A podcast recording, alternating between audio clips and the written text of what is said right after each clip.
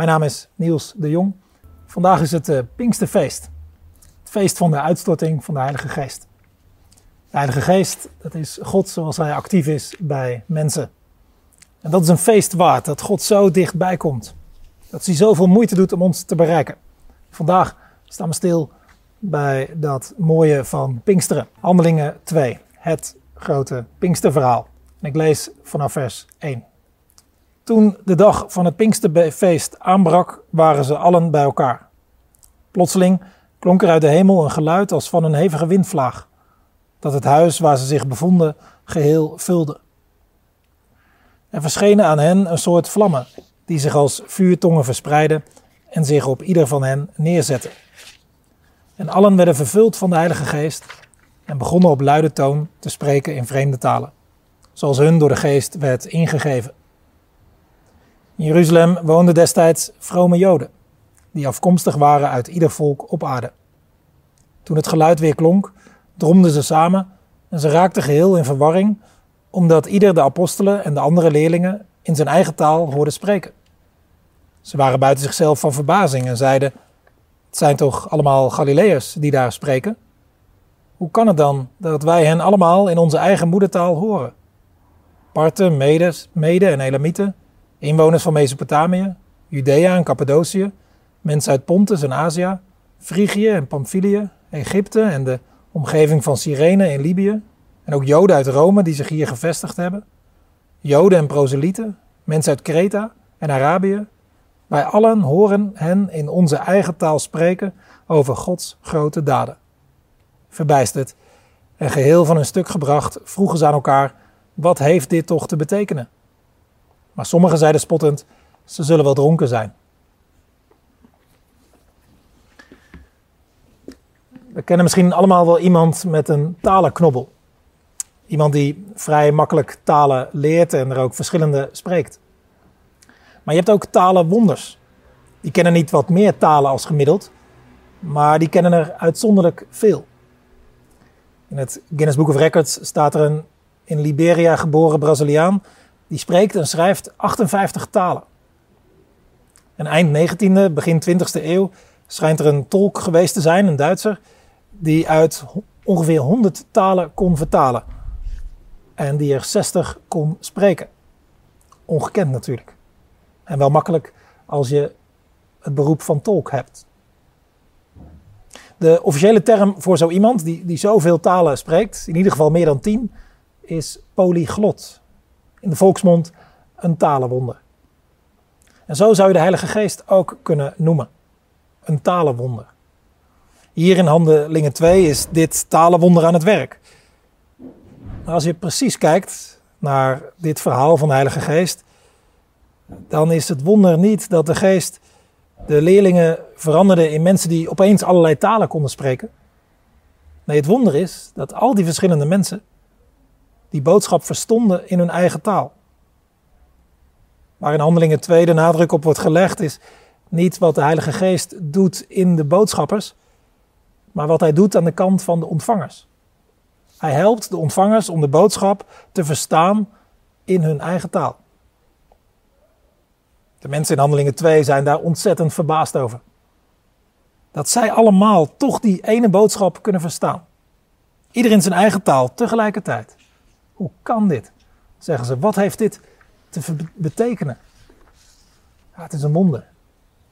Dankzij een hemels talenwonder, dankzij de Heilige Geest, ontstaat er een verstaanswonder. En we stuiten hier op iets belangrijks, iets essentieels als het gaat over de Heilige Geest. Nou, misschien vind je het wel lastig om te duiden wat die Heilige Geest nou precies doet. Nou, hier stuiten we op een specialiteit van Hem. Hij helpt mensen de boodschap van God te verstaan. En dat doet hij nog steeds. Al gaat het lang niet altijd zo als het hier ging, als in Handelingen 2. Het gaat hier in Handelingen 2 namelijk bij heel veel mensen tegelijk en nogal bijzonder. Er waren namelijk nog wel meer wonderlijke dingen.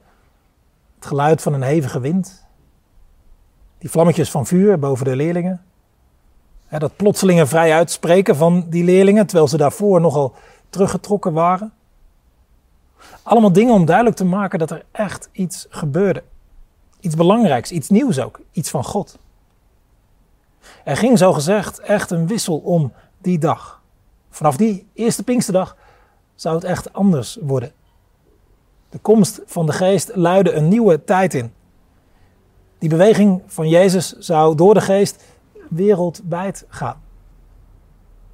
En dat nieuwe, dat, dat andere, dat nieuwe begin, dat, dat wilde God benadrukken, legitimeren door er opvallende tekenen aan te verbinden. Dat de geest met bijzondere tekenen mensen vervult, is ook weer niet alleen voorbehouden aan die allereerste Pinksterdag. Het gebeurt later in handelingen nog wel eens. Al zijn het meer de uitzonderingen dan de regel. En dat is nog steeds zo, denk ik. Ik hoorde laatst iemand bij Noorderlicht vertellen hoe het geloven bij hem begonnen was. Met een heel merkbare ervaring van de Heilige Geest. Het was zelfs merkbaar voor diegene die ook in diezelfde kamer aanwezig was. En het was zijn start van het christen zijn. Het gebeurt dus soms nog steeds merkbaar en opvallend dat de Heilige Geest komt. Begint bij iemand. Maar vaker gaat het in de stilte, meer verborgen. Zo verborgen dat je het vaak niet eens doorhebt dat de Heilige Geest is gekomen. Dat je soms pas lang nadat je al christen bent, ontdekt wat de Heilige Geest eigenlijk in je bewerkt. Zeker als je van jongs af aan gelovig bent, dan ontdek je vaak met de tijd de aanwezigheid, de activiteit van de Geest in je eigen leven. Nou, het een, als het wat opvallender gaat, of het ander, als het wat meer verborgen gaat, het, het een is niet beter dan het andere. Het een is niet effectiever dan het andere. Maar, maar wat de Heilige Geest ook doet, of hoe merkbaar of onmerkbaar het is, het helpt in ieder geval altijd om de boodschap te verstaan. Want daar is de geest op uit. Dat een ieder de boodschap verstaat. In zijn eigen taal. Dat wordt drie keer genoemd in dit gedeelte van Handelingen 2.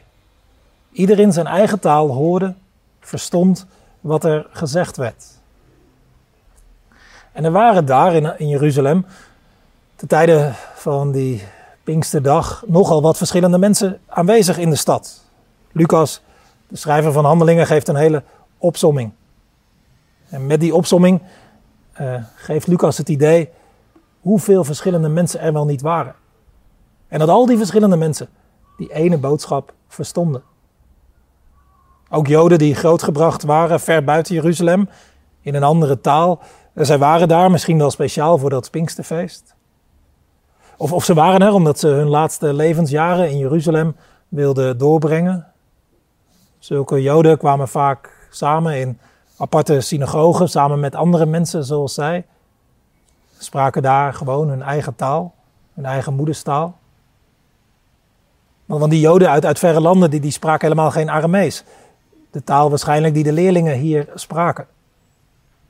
Maar maar Grieks of, of nog weer wat anders. En, en er waren ook nog eens niet-Joodse mensen die geïnteresseerd waren geraakt in het Joodse geloof. Proselieten. Zij hadden ook zo hun eigen moederstaal. En toch, bij al die verschillende mensen kwam de boodschap over. En dat was dus niet te danken aan de taalvaardigheid van de leerlingen, maar dat was te danken aan de geest.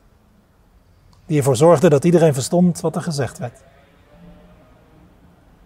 In het verloop van het boek Handelingen zie je dat de geest daar voortdurend mee bezig is. Dat de boodschap overkomt. Welke boodschap? In handelingen krijgt die boodschap allemaal verschillende namen. Soms is het het woord, of het woord van de Heer. Soms is het het goede nieuws. Soms is het de leer van Jezus. Maar hier wordt het de grote daden van God genoemd. In het Oude Testament klinkt die uitdrukking ook een aantal keer. En dan gaat het daarover die bevrijding uit Egypte. De grote uittocht uit de slavernij waarmee het volk een nieuwe start kreeg. God had ingegrepen en bevrijding gegeven op een heel bijzondere manier, via grote daden. Hier in Handelingen 2 wordt die titel, die benaming gebruikt voor wat Jezus gedaan heeft. Voor wat God via Jezus gedaan heeft. ook ingegrepen, ook bevrijd, ook een nieuwe start gemaakt. Het wonderlijke in het verloop van handelingen is dat heel verschillende mensen het goede nieuws verstonden, geloofden. Je zou kunnen zeggen, het boek Handelingen is, is een uitwerking van wat hier in Handelingen 2 gebeurt. In de eerste hoofdstukken van Handelingen komen vooral Joden tot geloof. In de Handelingen 8 komen de Samaritanen tot geloof. Een bevolkingsgroep waar Joden niets mee hadden en eigenlijk ook liever niets mee wilden. Later in Handelingen 8 komt er een Afrikaan tot geloof uit Ethiopië. In Handelingen 9 Saulus, een, een Joodse high potential, die in eerste instantie heel vijandig stond tegenover het christelijk geloof. In Handelingen 10 een Romeins, Romeinse legerleider met zijn hele huishouden. In Handelingen 11 mensen uit Syrië. In Handelingen 13 mensen uit Cyprus. Eh, en ook mensen uit het huidige Turkije. In Handelingen 16 wordt de oversteek gemaakt naar Europa. Macedonië, Griekenland en, en zo gaat het maar door in handelingen totdat het uiteindelijk in Rome belandt. En, en het is de hele geschiedenis doorgegaan. Overal ter wereld, uit zo'n beetje alle volken en talen, zijn mensen tot geloof gekomen. Hebben mensen het verstaan, die boodschap van Jezus, als goed nieuws.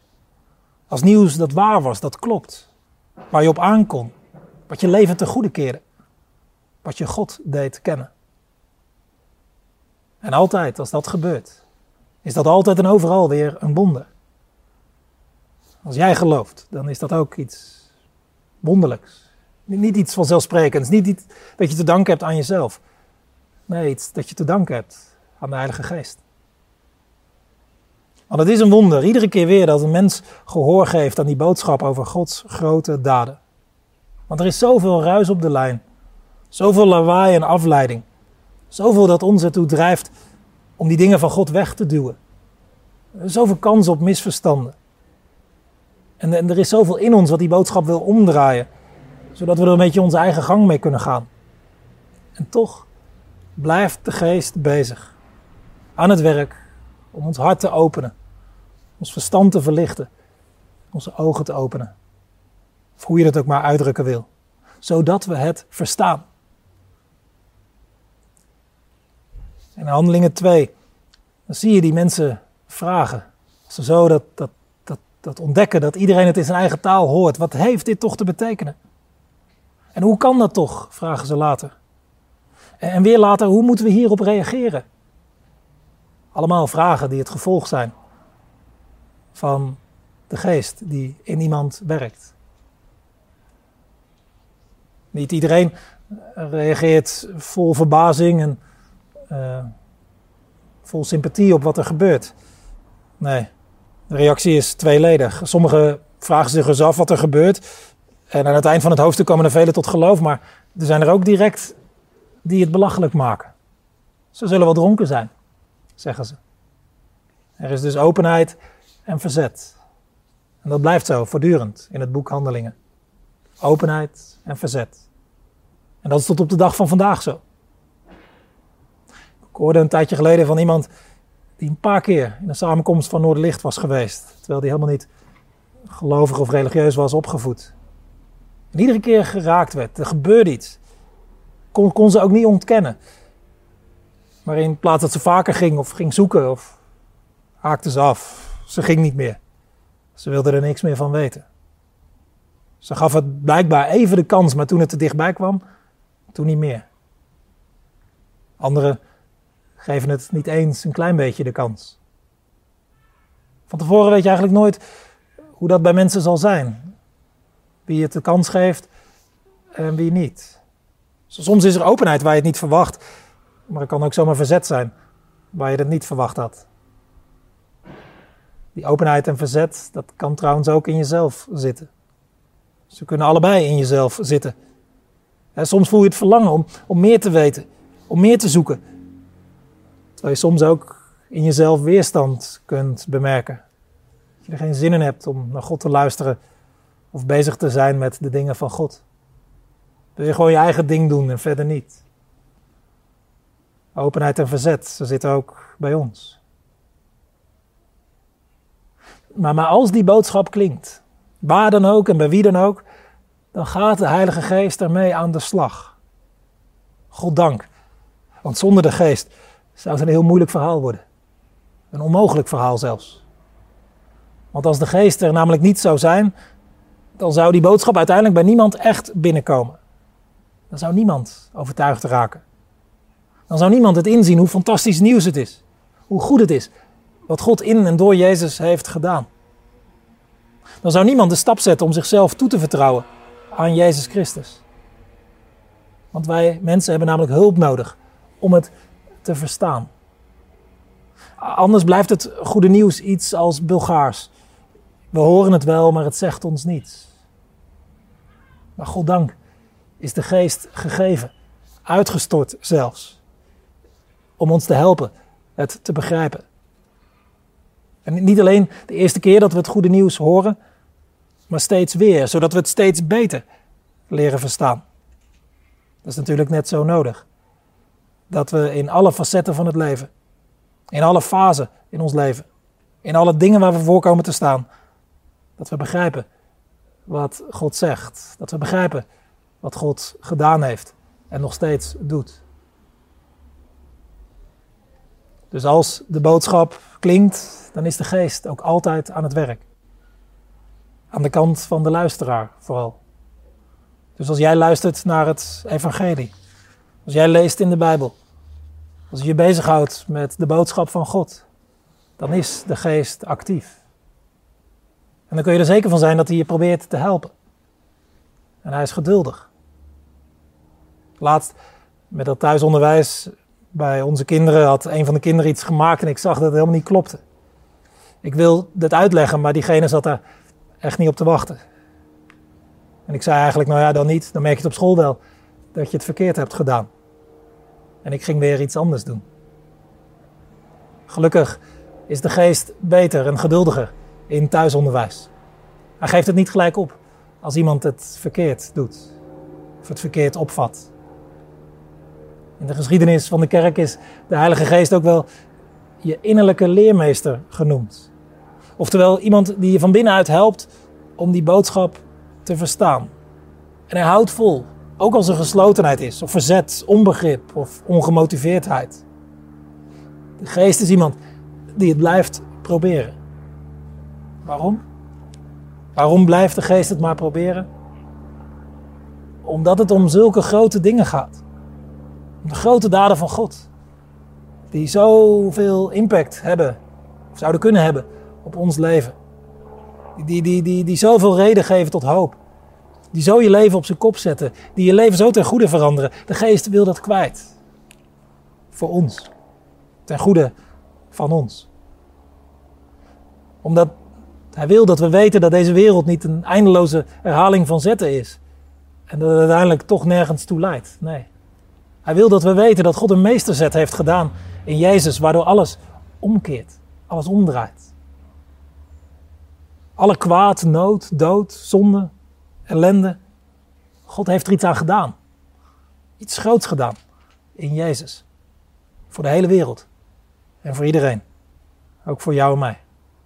En de geest wil zo graag dat we dat zien.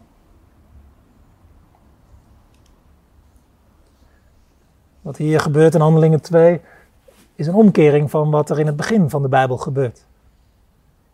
Daar kun je het verhaal vinden van de Babylonische spraakverwarring. Als straf op de menselijke hoogmoed, als straf voor mensen die alleen maar met zichzelf en voor zichzelf bezig waren, deed God iedereen een andere taal spreken. En men verstond elkaar niet meer. Een gezamenlijke onderneming liep spaak en men ging ieder een eigen kant op. Hier in Handelingen 2 gaat het andersom. Hier komen de mensen bij elkaar. er zijn wel verschillende talen, maar toch verstaat iedereen in zijn eigen taal de boodschap. De boodschap van Jezus. De boodschap die hem terugbrengt bij God. Want dat is wat de geest doet. Die brengt mensen terug bij God. Misschien denk je nou, ik zou ook wel wat meer van die geest kunnen gebruiken. Ik kan ook wel wat hulp gebruiken om te begrijpen waar het nu echt om gaat in het geloof. Misschien denk je wel, het, lijkt soms of, of, ik het, of ik het niet echt hoor, of het niet echt bij me binnenkomt. Het blijft een soort verhaal of informatie die buiten me staat. Ik zou zeggen, bid dan om de geest. Bid of hij je helpt. Dat het duidelijk mag worden. Dat is ook een goed idee elke keer als je je bezighoudt met de Bijbel, het evangelie of het geloof. Of je nu al lang of kort gelooft. Bid elke keer voordat je leest of erover spreekt of aan het begin van een kerkdienst, online of offline. God, geef mij uw Heilige Geest, zodat ik versta wat u te zeggen hebt. Het is zonde om die innerlijke leermeester, die, die Heilige Geest er niet bij te betrekken en het, het zelf uit te zoeken. Nodig hem daarom elke keer weer uit. Want de Geest helpt je verstaan wat je leest, wat je hoort. Misschien doordat je het opeens ziet, dat het eens open gaat. Dat je het opeens kunt toepassen op je eigen leven. zo gaat dat bij, aan het eind van Handelingen 2. Duizenden mensen tegelijk zien het. Hun ogen gaan open voor de boodschap. Maar het kan ook anders. In Handelingen 8 wordt Filippus zo door de Heilige Geest geleid dat hij een Ethiopische man ontmoet. Een man die midden in de zoektocht sta, zat naar God. En Filippus kan hem precies uitleggen wat die man nodig had. Ja, ook zo kan de geest werken. Dat er iemand op je pad komt die je de ogen opent. Of dat je zomaar toevallig hoort of leest net wat jij nodig hebt. De geest weet wat jij nodig hebt. En dan weet ook welke taal je spreekt. Niet alleen of je Nederlands spreekt of, of je moederstaal eigenlijk Engels is of, of nog weer wat anders. Hij kent ook de taal van je hart. En die taal is heel persoonlijk. Het is de taal waarmee dingen echt bij jou binnenkomen. De geest spreekt die taal. En hij zet hem in ook. Omdat hij zo graag wil dat je verstaat. Die boodschap van God. Hij wil zo graag dat je het nieuws van Jezus vat. Zodat je leven ten goede kan veranderen. Ik sluit af. Wil je deze Pinksteren, deze misschien wat vreemde Pinksteren in deze coronatijd, één ding meegeven? Eén ding vragen eigenlijk. Of je zou willen bidden om deze geest. Dat is de manier waarop hij komt, waarop hij werkt. De geest werkt op uitnodiging, zou je kunnen zeggen. Nou, dan gaat hij zeker aan de slag als je hem uitnodigt. zo ging het, zo gaat aan handelingen 2, handelingen 1 vooraf, waar de leerlingen vurig aan het bidden waren. En als je dan wilt bijvoorbeeld dat mensen tot geloof komen in je omgeving, bid om de Heilige Geest. Als, als je voelt dat, dat, dat er verzet is, bid om de Geest, dat Hij het verzet zal kunnen breken. Als je, als je zelf meer wilt weten van God, zijn daden, zijn woord en wat het betekent om in het spoor van Jezus te leven, als je, als je wilt groeien, als je jezelf bezighoudt met, met de Bijbel, met, met het geloof, bid om de geest. Dat je zult verstaan wat God jou te zeggen heeft. Als je met iemand wilt spreken over het geloof, maar je, weet niet zo goed hoe of wanneer of hoe je dat moet aansnijden, bid om de Heilige Geest. Of als je gesproken hebt met iemand iets te proberen te delen van, van het nieuws wat jou zo goed heeft gedaan. Bid om de geest, dat diegene het echt zal verstaan. Bid dat er nog meer verstaanswonderen plaats zullen vinden, ook, ook in onze tijd, ook in jouw omgeving. En misschien heb je ook wel van die mensen die, die het zo graag zou willen geven, het, geloof. Dat je soms denkt, ik wou dat ik het erin kon stoppen bij diegene. op een of andere manier kunnen ze niet geloven of willen ze niet geloven, maar je gunt het ze zo.